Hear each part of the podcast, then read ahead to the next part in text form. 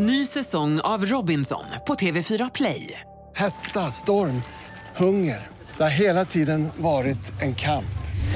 Nu är det blod och tårar. Fan händer just nu. Det. är Detta är inte okej. Robinson 2024, nu fucking kör vi!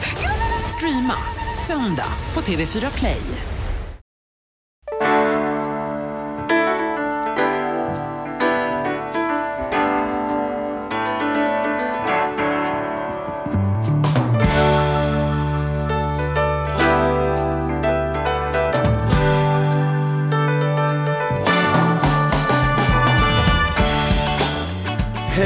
Hjärtligt välkommen till Ekonomi på riktigt med Charlie och Mattias.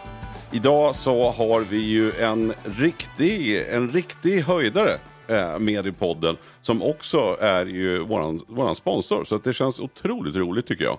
Eh, och för er, det är inte oklart nu i det här laget att vi har Klarna som, som sponsrar oss. Ehm, ja, det är väl lika bra att vi går rakt på. Vad, vad säger du Charlie, hur är dagsformen? Ja men dagsformen är bra. Jag noterade att en sak, en, en ny grej. Du välkomnar alltid en person. Välkommen till podden säger du. Jag har märkt att jag säger välkomna. Det är lite, du är lite personligare, jag är lite mer cirkusdirektör över mig. Det var bara här, notera den. En Ja men, det kan, ja men det stämmer nog kanske. Ja. Ja. Tycker ditt Men det var är bra att vi är lite olika. Jag tycker det var mysigare, Ja. jag ska börja med det. Välkommen. Ja, skitsamma. Precis. Du, eh, jag tycker vi har, vi har ju en sån eh, suveränt spännande gäst med mycket spännande frågor så det är lika bra att vi kör igång istället för att sitta här och prata tv-serier och vattenkamningar och skit liksom. Ja, precis. Ja. Det, jag tycker vi gasar på Ja. på en gång. Jag är otroligt nyfiken. Eh, alltid kul att prata med de här, eh, ja men vad ska vi säga? Höjderna som också alltid har stuckit ut näsan och har liksom ordentligt med skinn på näsan. Och det får man väl lugnt säga att man måste ha om man är, om man är global marknadsdirektör för Klarna så, så lär man nog ha fått lite skinn på näsan tänker jag. Så Mm. Det vet vi om en stund. Varmt välkommen, varmt välkommen David Sandström.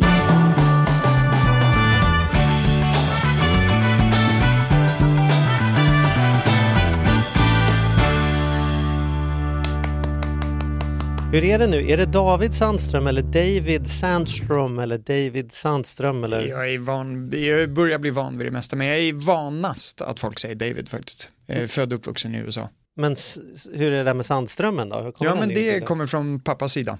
Mm. Ehm, Så det är, det, det är ett vanligt eh, svenskt uttal på det kan man väl konstatera. Inget konstigt. Men du, men född och uppväxt, jag, jag gjorde, tänk om jag har gjort en dålig research här, för du sa väl född och uppväxt i USA, jag trodde du var, var från Tyskland och Ja, sen men det stämmer till också. Dalen utanför Stockholm. Hur ska du- hur ska helt du ha det? Nej, men jag ska, det jag, är ja på alla. På, på alla Ja men ovanstående. berätta, berätta. Ja men det här är spännande att höra. För, för jag, vad jag förstår så är du ju inte, ja men du växte upp under ganska enkla förhållanden ändå med en pappa som var lärare vill jag minnas och mamma som jobbade på Klock hamburgerkedja. Mm. Eh, och då tänker man och sen hamnar man i den här positionen då. Kan du inte berätta lite då Ja, om jag- din, din första resa? Ja, men den första, jag vet inte om vi ska gå in så djupt på det, men jag tror att en sak var ju eh, just det med ändå ganska enkla förhållanden. Min pappa han hoppade av skolan i nian, jag tror min mamma hoppade väl av inte långt efter det. Ehm, och har säkert levt superroliga och spektakulära liv, jag har inte djupat så mycket i det, men en sak som var viktig för dem i min uppväxt var just utbildning.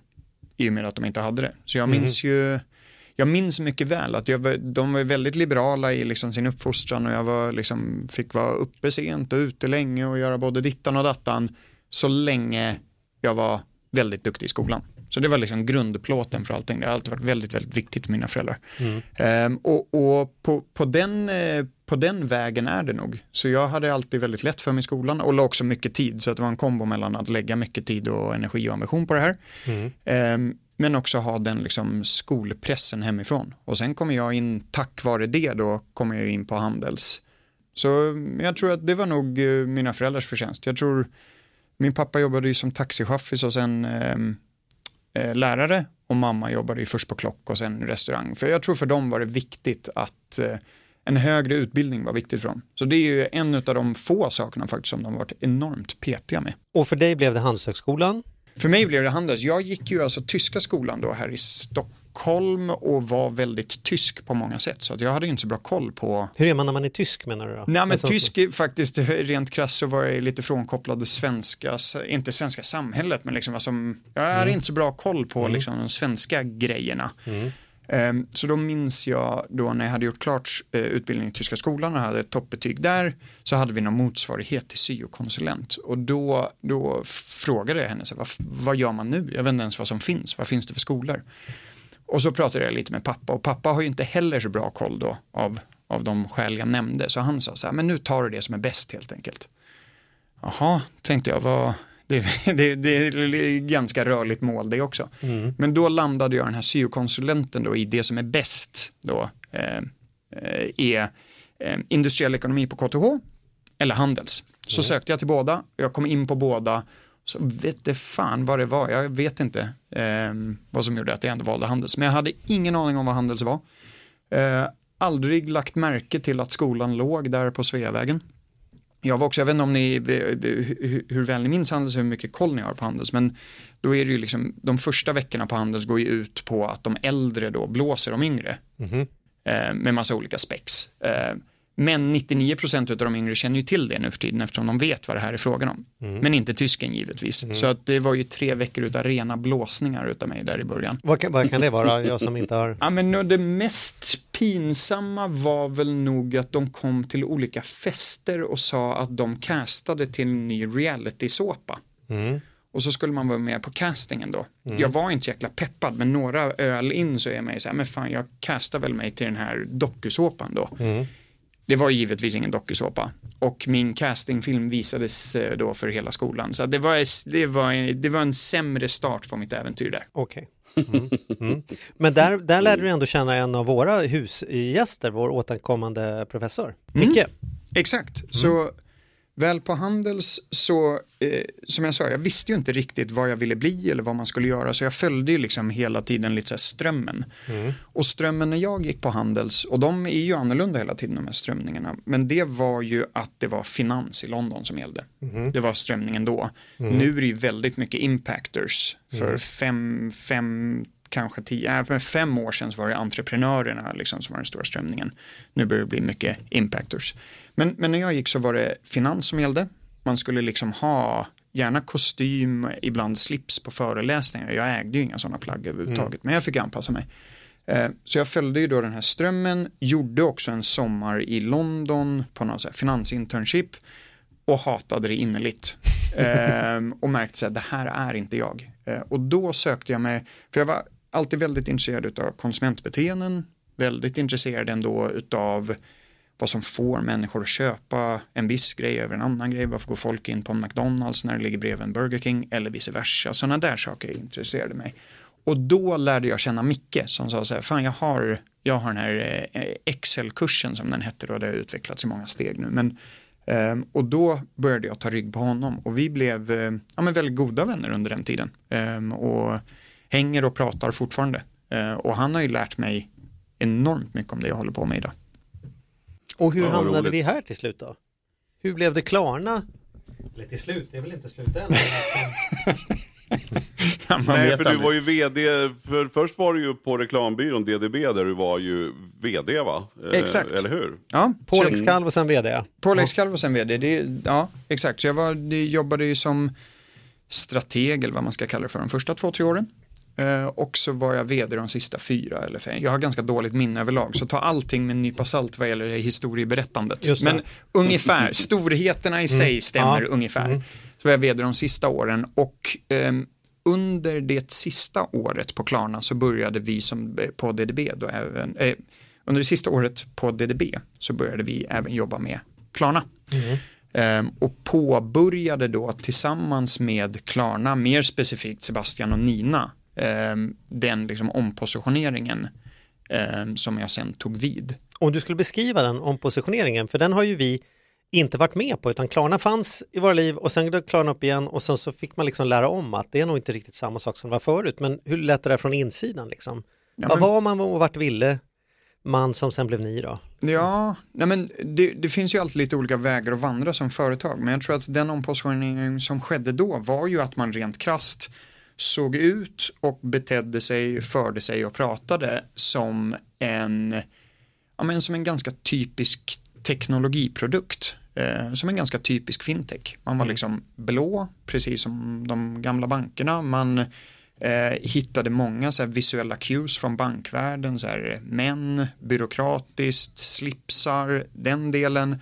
Och eh, det var egentligen inte det man ville vara. Utan det man trodde på helhjärtat från Sebastians håll var ju att om vi kan skapa de bästa konsumentprodukterna, om vi kan skapa de produkterna och tjänsterna som människor faktiskt gillar och behöver och eh, liksom vill ha i sina liv, då kommer allting annat att lösa sig. Då kommer vi bli de bästa partnerserna för våra handlare, vi kommer göra mest nytta i samhället och vi kommer skapa mest glädje för konsumenterna.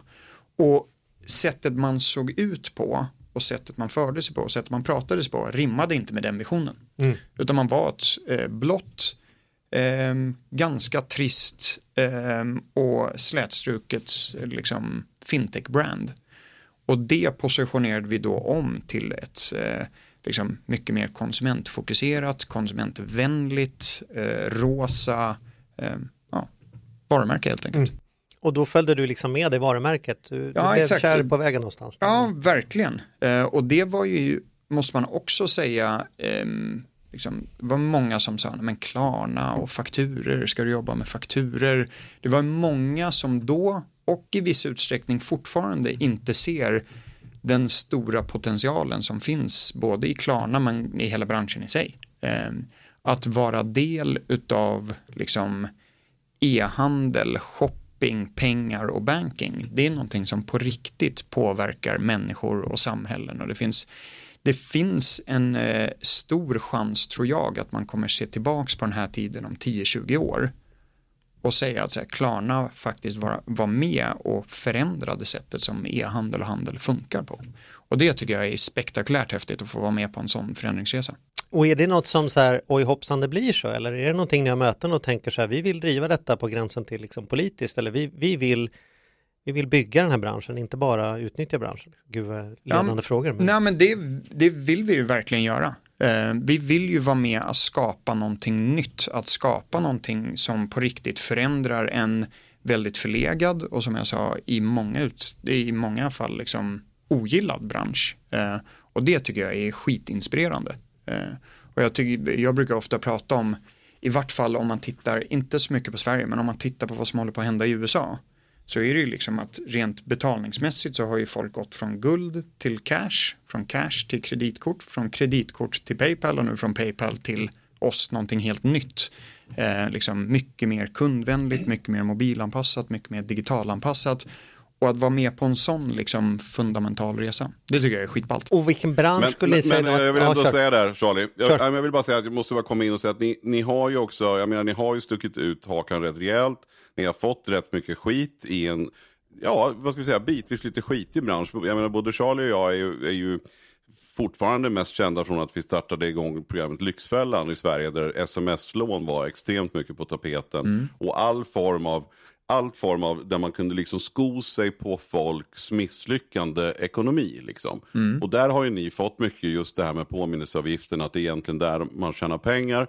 Eh, och och ni öser ju på också liksom, eh, på ett sätt som har varit jävligt häftigt. Vi, vi pratade om det här innan du kom David, att, att liksom, det är häftigt. Vi tycker att det är häftigt att, att, att se det här bolaget, men någonstans så har det ju varit så här, oh, liksom när, när, när ni till exempel gjorde den här grejen med Snoop Dogg, som inte är allt, jag menar han har ju han är ju en skön snubbe, men, men han är ju inte helt politiskt korrekt, eh, får man ju lugnt säga. Eh, så att ni har ju liksom öst på på ett, på ett ganska hårt sätt. Men känns som att det har ramlat över till att, eller så här, jag vet inte, om, hur, känner du själv kring det här? Då? För att, jag menar, liksom, om du pratar med grannen när ni står och grillar eller vad det nu kan vara. Liksom, mm. Går det från det här att man skämdes lite för att vara klarna till att man nu känner att fan vi gör ju faktiskt något bra? Eller, ja. Ja, men så det var många frågor rätt. Berätta hur du känner. Ja, men jag tycker nog att du är rätt på det faktiskt. Och jag tror att också att eh, Sebastian har ju pratat i vissa andra poddar om att så här, de mörka åren på Klarna, att det liksom inte var liksom allt ifrån affärsmodellen till hur vi var organiserade till vad de projekten vi drev inte var helt optimala.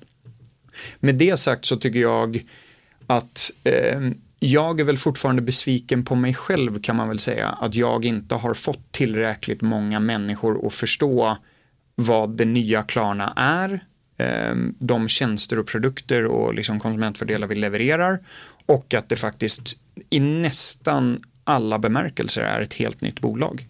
Um, och, och, där har jag blivit otroligt varse om hur länge liksom gamla förutfattade meningar hänger kvar. Och det ser vi också i målgrupperna. Vi har ju eh, många kunder som använder Klarna liksom dagligdags eller veckovis eller månadsvis i vart fall som förstår storheten med det vi liksom bygger och levererar. Medan de som kanske använder oss en, två gånger per år eller aldrig och bara liksom har förutfattade meningar, det är svårt att förändra den bilden. Ehm, men vi jobbar på det. Ehm, hela tiden. Men det är, det är ändå ett ganska tufft tag, inte minst sen får man säga med Super Bowl. Men jag menar, om man nu ska vara lite politiskt korrekt då, just det här med Snoop Dogg. Eh, det har ju visat sig vara en supersuccé antar jag, eh, så i ditt fall. Men, men det måste ju ändå varit ett ganska stort beslut som ni tog.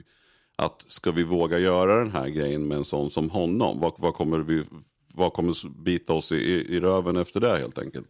Ja, Ja, men så är det ju och sånt behöver man ju i viss utsträckning liksom gå igenom och avväga och så.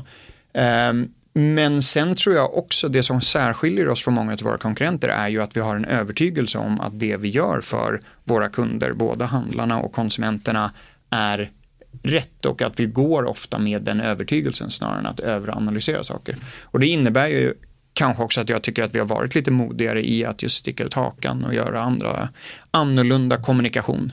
Ehm, jag tycker det som är viktigt att veta är ju att både på produktsidan men också på marknadsföringssidan så försöker vi ju alltid göra saker med kundernas bästa liksom i åtanke. Ehm, och jag är inte säker på ehm, att kunderna vill se ytterligare en gammelbanksreklam, om jag nu kallar det för det. Jag, jag tror man har sett, man vet ungefär hur de ser ut. Man var lika ointresserad de förra 30 gångerna utav hur den såg ut. Eh, så att det kommer någon som faktiskt värnar lite om människors tid, människors uppmärksamhet och förstår kanske lite hur en något mer modern person tänker och rör sig och eh, liksom pratar om saker ehm, gör att det nog blir uppenbarare varför man liksom ska göra en Snoop Dogg-reklam.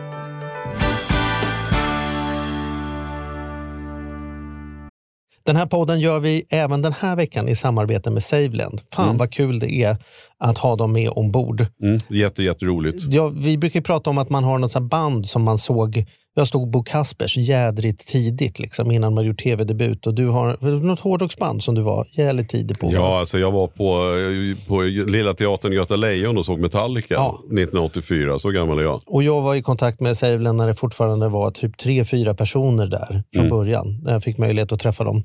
Eh, och nu är de ett stort bolag, fyller tio år, finns på börsen och jobbar helt enkelt med att vanliga privatpersoner och företag kan investera pengar eh, i eh, lån och krediter. Mm. Så man får riktigt bra ränta. Så eh, det rullar på efter tio år, bättre än någonsin. Fantastiskt kul att ha dem med här i podden. Mm. Gå in, testa, kolla. Vi ja. har en kod som gör att om du öppnar ett konto och använder på riktigt får du dessutom en insättningsbonus just Precis, och vill man veta mer så som sagt gå in på saveland.se. Man kan också lyssna på Ludvig som har varit gäst i vår podd två gånger. Då får ja. man en ännu bättre inblick ja. i vad, vad det är de pysslar med egentligen.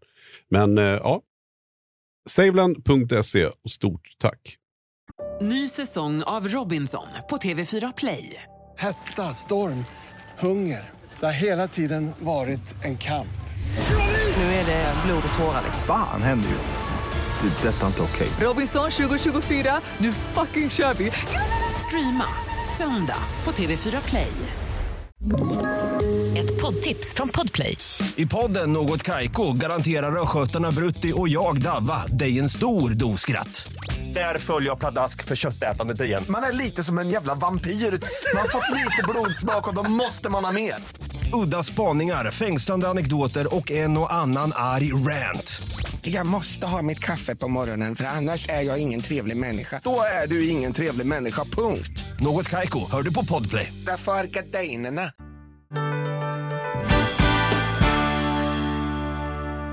Hur var han? Hur var han Snoop Dogg? Nej, men han Du har ju är- träffat honom sägs det. Du är en av få va, som har träffat honom från Klarnas En av få. En av få på Klarna. Ja. vi en av hade få på Klarna Joakim- får man säga. Vi hade, vi hade eran Jo- Joakim eh, som nu har slutat hos er eh, Ja. på intervju tror jag i januari.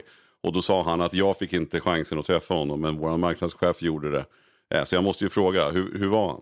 Ja, men han är ju, eh, det, han är ju alltså en familjefar, måste man säga. Eh, det, det är viktigt, eh, och det, det, hade man nog inte sagt för 20 år sedan var inte det gängse beskrivning av honom tror jag. Men han är ju liksom, han är en entreprenör och en familjefar och på många sätt ett proffs.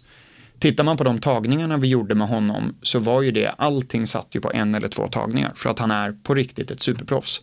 Han kommer dit, han gör exakt det han ska göra, gör det flawless och sen drar han igen, måste man väl ändå säga.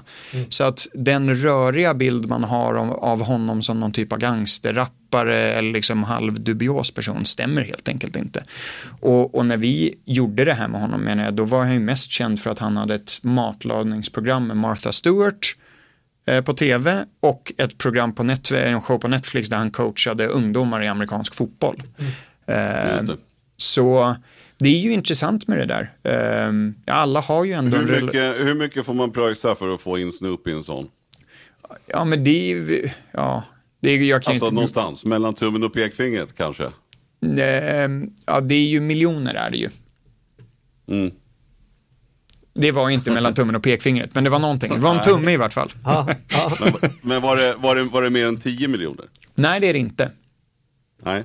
Då har vi ett pekfinger Ja, också. Ja, exakt. Ja. Men det är ju Ja. otroligt komplicerat med alla sådana här rättigheter så ni vet ungefär hur det funkar med liksom Ja, var man precis. ska ha de rättigheterna och inte. Det var ju en otroligt PR-driven kampanj, vilket ju det var det enda vi hade råd med om man ska vara ärlig med. Ehm, eh, att använda Snoop i en Super Bowl-reklam exempelvis, vilket vi inte gjorde, det är ju en helt annan prisbild för en sån sak. Ja. Så, så mycket utav eh, det vi har gjort här marknadsföringsmässigt har ju folk trott är så otroligt jäkla dyrt.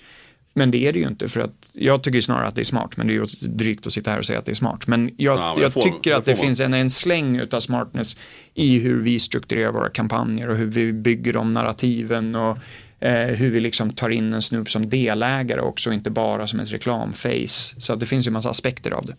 Men det här är ju lite att ge branschen fingret kan man ju säga. Mm. Var, varför gör man det då? Vad är det ni inte gillar? Nej, konstig paradoxfråga, men vad är det ni inte gillar med den branschen ni tillhör? Vad är, vad är det som skaver som gör att ni försöker liksom dra ifrån eller växla ut? Eller vad, vad är det som inte smakar så gott när ni tittar på konkurrensen och kollegor? Ja, men, eh, dels är det ju kanske att vi inte gillar branschen, men för mig i vart fall är det viktigaste att konsumenterna faktiskt inte gillar branschen. Och det ser man ju exakt varje undersökning som kommer, oavsett om det är liksom på stor makronivå med så Gartner och Facebook, eller om man frågar sina vänner och bekanta. Ehm, finansbranschen eller bankbranschen är inte omtyckt. Så att ehm, det är lite paradoxalt egentligen, för jag får ju ofta frågan så här, hur vågar ni vara så annorlunda? Hur vågar ni vara rosa? Hur vågar ni köra med Snoop? Och hur vågar ni göra det här? Varför gör ni inte som de andra? För ingen tycker Min om motfråga andra. är ju så här, folk hatar ju, bokstavligt talat hatar de andra. Varför ska jag lägga miljoner på att se ut som de andra? Det är ju helt galet. Och det handlar inte bara om att se ut, utan det är ju egentligen så är vårt varumärke ju bara en spegling utav vårt företag och de produkter och tjänster som vi gör. Jag menar, vi skapar, vi lägger en massa tid och pengar och kärlek på att skapa produkter som på riktigt är bra för våra kunder. Ibland lyckas vi bättre, ibland lite sämre. Så är det med techprodukter, men det gör vi. Det tycker jag förtjänar att återspeglas. Så vi lägger massa kärlek på att skapa produkter som är annorlunda, som funkar bättre, som är snällare, som är liksom mer översiktliga och transparenta. Det behöver ju återspeglas i hur vi för oss som varumärke också. Jag tycker det vore ren Men- galenskap att se ut som de andra. Men nu på tal om varumärket byggande, nu är, ni, nu är du ju igång och härjar i, i, i Storbritannien också, eh, har jag eh, Mm. noterat. Berätta, vad handlar det om? Ja, men där är det ju en lite annan situation. Det man får se i Storbritannien och så är det ju inte riktigt i Sverige. Så lite kontext är ju att ehm, vi anser, och det anser kunderna också, att kreditkorten, de liksom gamla kreditkorten och de gamla bankerna, eh, de har affärsmodeller som är eh, minst sagt ofördelaktiga för konsumenter. det är väldigt höga räntor, det är produkter som så här revolving credit som är helt omöjliga för en konsument att förstå. Det är ganska mycket dolda avgifter. Det är kort och gott så tjänar kreditkorten eh, Eh, väldigt mycket pengar på konsumenter som inte eh, vet bättre eller kan bättre på grund av att de är i utsatt sits. Det är någonting som vi har skapat produkter kring att mota. Eh, så kort och gott så är liksom de produkterna vi har i både UK och USA är mycket mer konsumentvänliga eh, liksom kreditprodukter. Så om man ska bli lite nördig så istället för att konsumenten bär hela kostnaden för krediten så tycker vi att det är företagen som ska göra det. Så om man köper en tv eller ett par sneakers på avbetalning så tycker vi att det är rimligare att handlaren, alltså den som säljer, står för kreditkostnaden och inte kunden. Eh, mycket, mycket modernare, mycket mer konsumentvänligt. Men det man får säga är ju att det är ju miljarder, om inte triljarder i intäkter som står på spel för de här gamla bankerna. Så de har ju dragit igång en hel del initiativ för att eh, stänga ner Klarna eller reglera Klarna på ett ofördelaktigt sätt. Ehm, och det är ju egentligen, eh, för det vi har dragit igång i UK är ju då egentligen vårt motdrag mot det där vi väldigt tydligt ställer oss på konsumenternas sida, där vi förklarar fördelarna med våra produkter och där vi egentligen så här, pekar ganska tydligt på att eh, det är kreditkorten som är problemen eh, och inte Klarna. Eh. Ni, ja, för nu i Sverige här i dagarna så kom ju det ni kallar för, för Wikipink. Kan mm. du vad, berätta lite om den? Vad är det? Vad är Wikipink? Ja, men det är för oss egentligen, givetvis är namnet hämtat då från liksom olika wikis och wikis är, finns ju till för att eh, skapa tydlighet och transparens och översikt kring olika frågor. Och jag tror att mycket många av de fördomar, de felaktiga fördomar som finns kring Klarna, ibland de rättfärdiga fördomarna som finns kring Klarna, eh, beror på att man inte har fullständig tillgång till all information.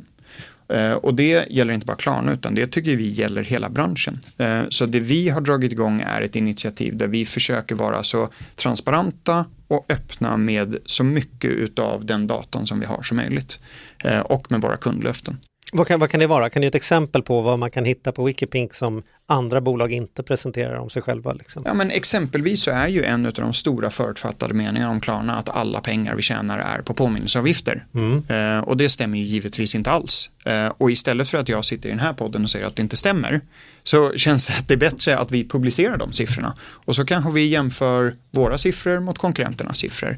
Eller exempelvis hur många kronofogdsärenden som är skapade av Klarna eller våra konkurrenter eller andra aktörer inom branschen. Eh, och på det sättet så skulle vi inte bara vilja jobba med liksom transparens och tydlighet i vad vi gör utan även driva hela branschen mot liksom en bättre självreglering. Hur då eh, menar du? Ja, men jag tror att det finns fortfarande alldeles för många affärsmodeller och sätt liksom som eh, i viss utsträckning vi, men framförallt våra konkurrenter beter sig på eh, som inte är konsumentvänliga. Och jag tror att transparens är liksom första steget mot att skapa en självreglering och sätta en standard för en bättre bransch.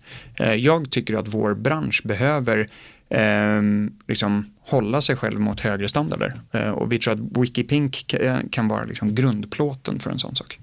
Alltså, blir det frustrerande för er att jobba med detta eftersom gemene man inte är så intresserade av att förstå vad de egentligen köper. Mm. Om man jämför med när folk köper müsli så har de en jävla massa åsikter om det är tillsatt något socker, hur det funkar, om man vill läsa baksidan noga och liksom den här branden är bra, det här är dåliga. Men det finns ju någonting som säger att de här kreditinstituten kan hålla på med ganska taskiga produkter med hög effektiv ränta och, och liksom därför att folk tycker lite skönt, bara, ja men köp nu, betala i vår, det låter ju kanon. Alltså det, det är jobbigt att försöka sälja något som det inte verkar som kunden är så medveten om att de vill ha. Liksom. Nej, exakt. Och, och det är ju svårt. Det är ju en, en liten del av förklaringen där är ju sådana kampanjer som vi har gjort med Snoop eller Lady Gaga eller eh, nu kommer om någon vecka kommer ytterligare en, en större kampanj där vi faktiskt behöver hitta andra kreativa sätt för att locka uppmärksamhet till en fråga som är enormt viktig men kanske mindre intressant. Men eh, ni två vet ju att det finns ju ändå många som inte är superintresserade av det här. Eh, det tycker jag är det ena. Det andra, och Wikipink är en typ av grundplåt i det. Jag tycker att vi har gått som varumärke i, på den svenska marknaden specifikt från att vara en utmanare till att bli en ledare.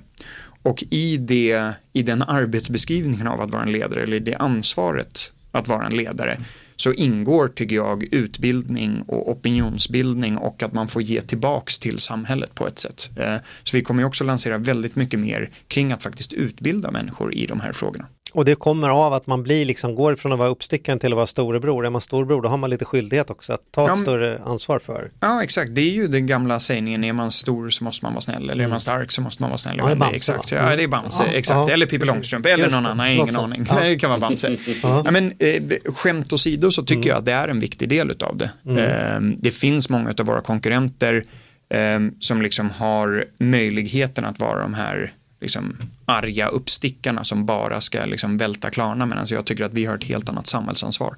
Eh, och då ingår de här frågorna. Eh, och då är det ju ytterst mitt jobb att hitta på smarta sätt för hur kan man göra de här frågorna relevanta för människor.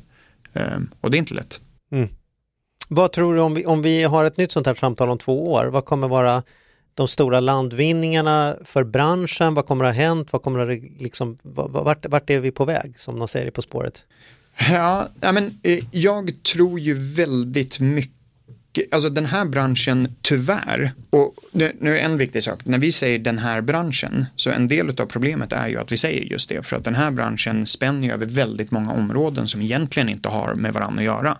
Vi har ju liksom, ehm, eh, eh, ja, det- jag har inga bättre ord än så här, otroligt vidriga blankolån på ena sidan som lånar ut liksom 300 000 ehm, till galen ränta, alltså där man får ut kontanter direkt, till en fakturaprodukt som egentligen är bland det mest kundvänliga som finns. Det vill säga att du får hem varorna först, du väljer själv liksom, ja, om, om det är varan du vill ha och så betalar du i efterhand.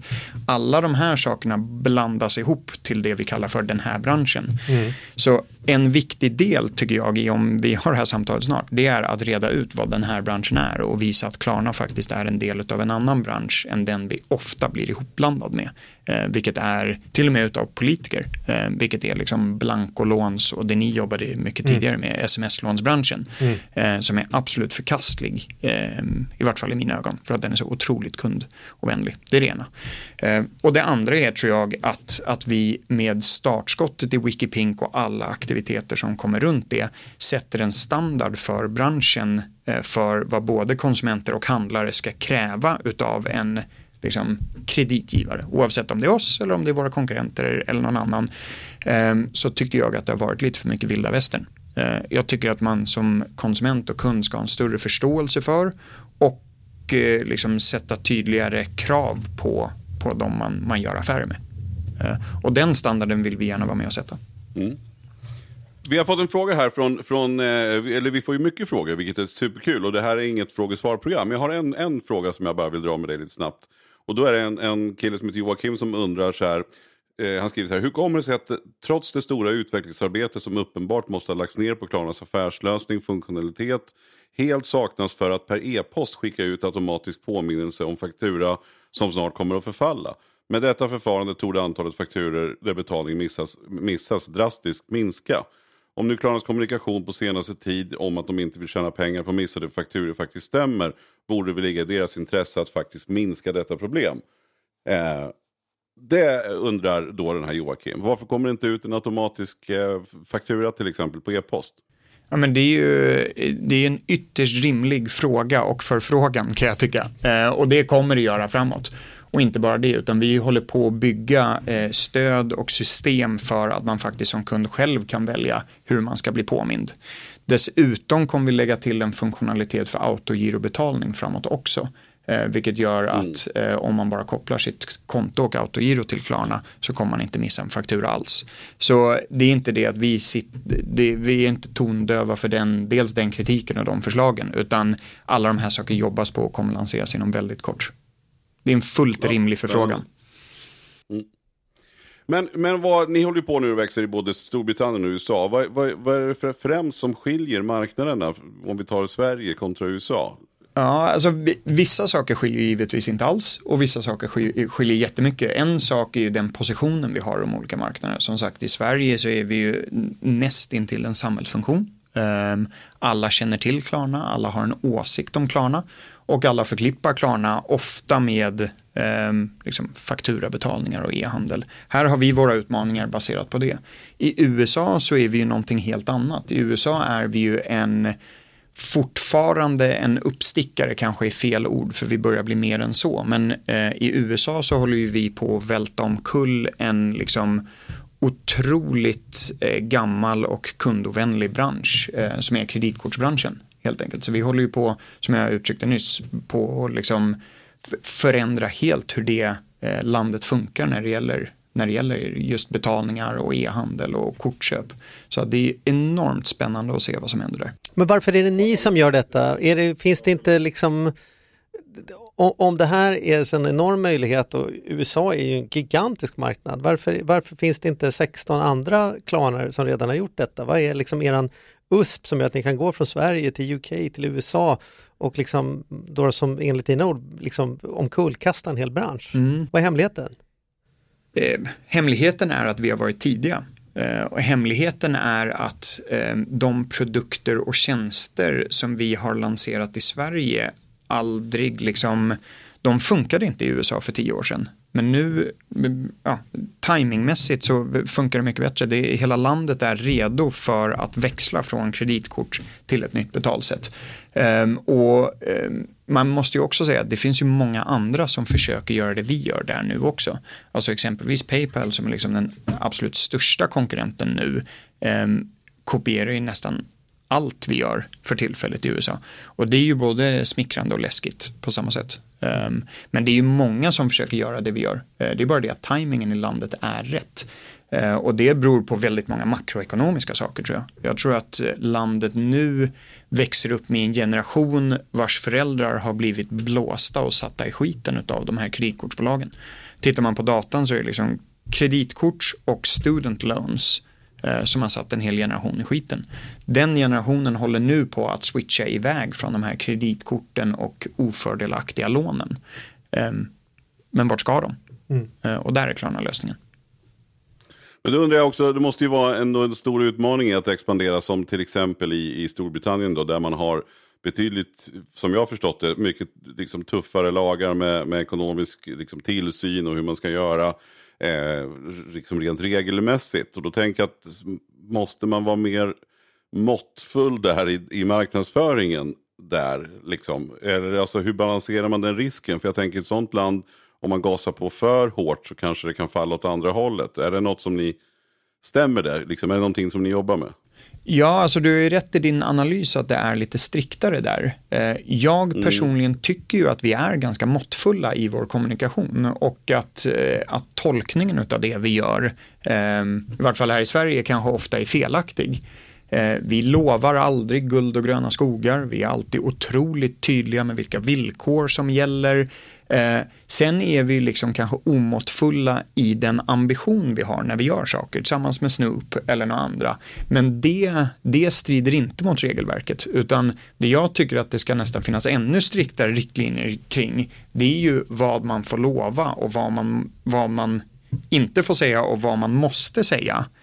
Inte sättet man gör det på. Och blir det likadant i Sverige skulle du säga? Är vi, är vi Ja, men det tycker jag snälla här? I, för jag, har Ja. jag hittar ju på att det är en bild att det är väldigt svårt att marknadsföra krediter mot unga och sådana saker, att det skulle vara omgärdat med mycket krav och lagar. Men det... Ja, det är ganska mycket krav och lagar, men det gör ju också att, ehm, jag menar, det finns alltid sätt runt allting, eh, tycker jag. Och jag tycker mycket av det våra konkurrenter gör som liksom jobbar väldigt mycket med direktmarknadsföring och e-mailmarknadsföring mot folk som har gjort ett köp på nätet. Ehm, det tillvägagångssättet tycker jag ju exempelvis är ju hundra resor värre än att göra en extravagant bred kommunikation. Ehm, Så att det finns olika utmaningar på, på olika marknader helt enkelt. Det där upplevde ju vi Mattias när vi höll på med Lyxfällan att vi hade människor som genuint satt i skiten ordentligt och det var ingen tvekan om att de inte kunde betala för sig. Ändå fick de hemskickat kreditkort från bolag som säger så här, grattis du är så bra kund, här har du ett kort med 200 000 till. Färdiga kort. Som Ja. skickades ut. Liksom. Det Exakt. tror jag inte det är så längre, men det var ju som att man kunde hitta på kylskåpet. Vad är det här? Nej, det kom. De tycker att jag har varit så skötsam så jag har fått ett nytt kort här. Liksom. Ja, och det är mer de sätten att göra saker på än att så här, måttfullhet. Och, och det är där jag tycker också man behöver en uppdaterad vy på marknadsföring och kommunikation. Ehm, där, där, där det måste granskas mycket, mycket tydligare. Det där är hemskt tycker jag. Men då har jag en sista fråga. Hur ska man nu som marknadsdirektör för ett sånt bolag som Klarna, hur, hur ska man lyckas eh, eh, hur ska man lyckas chocka igen? Alltså hur ska man kunna toppa en sån här Snoop-variant? Hur ska ni överraska nästa gång? Är det möjligt? Eh, Ja, men det måste det ju vara. Annars måste jag ju ställa min plats till förfogande såklart. Eh, sen har det ju blivit mindre viktigt för oss att chocka för chockandets skull.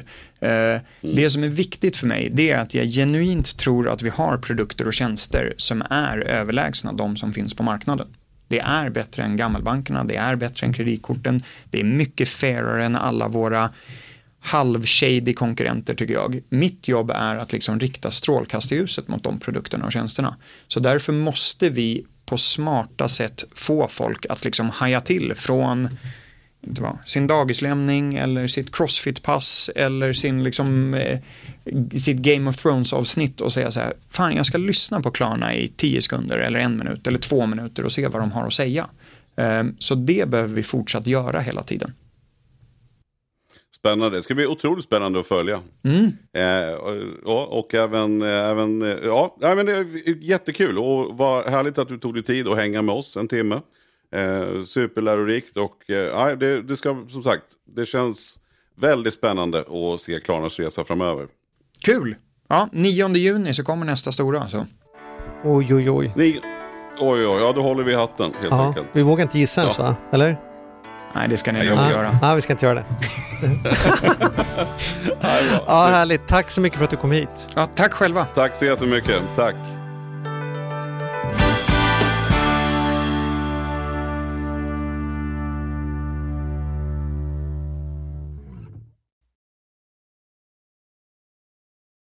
Ny säsong av Robinson på TV4 Play.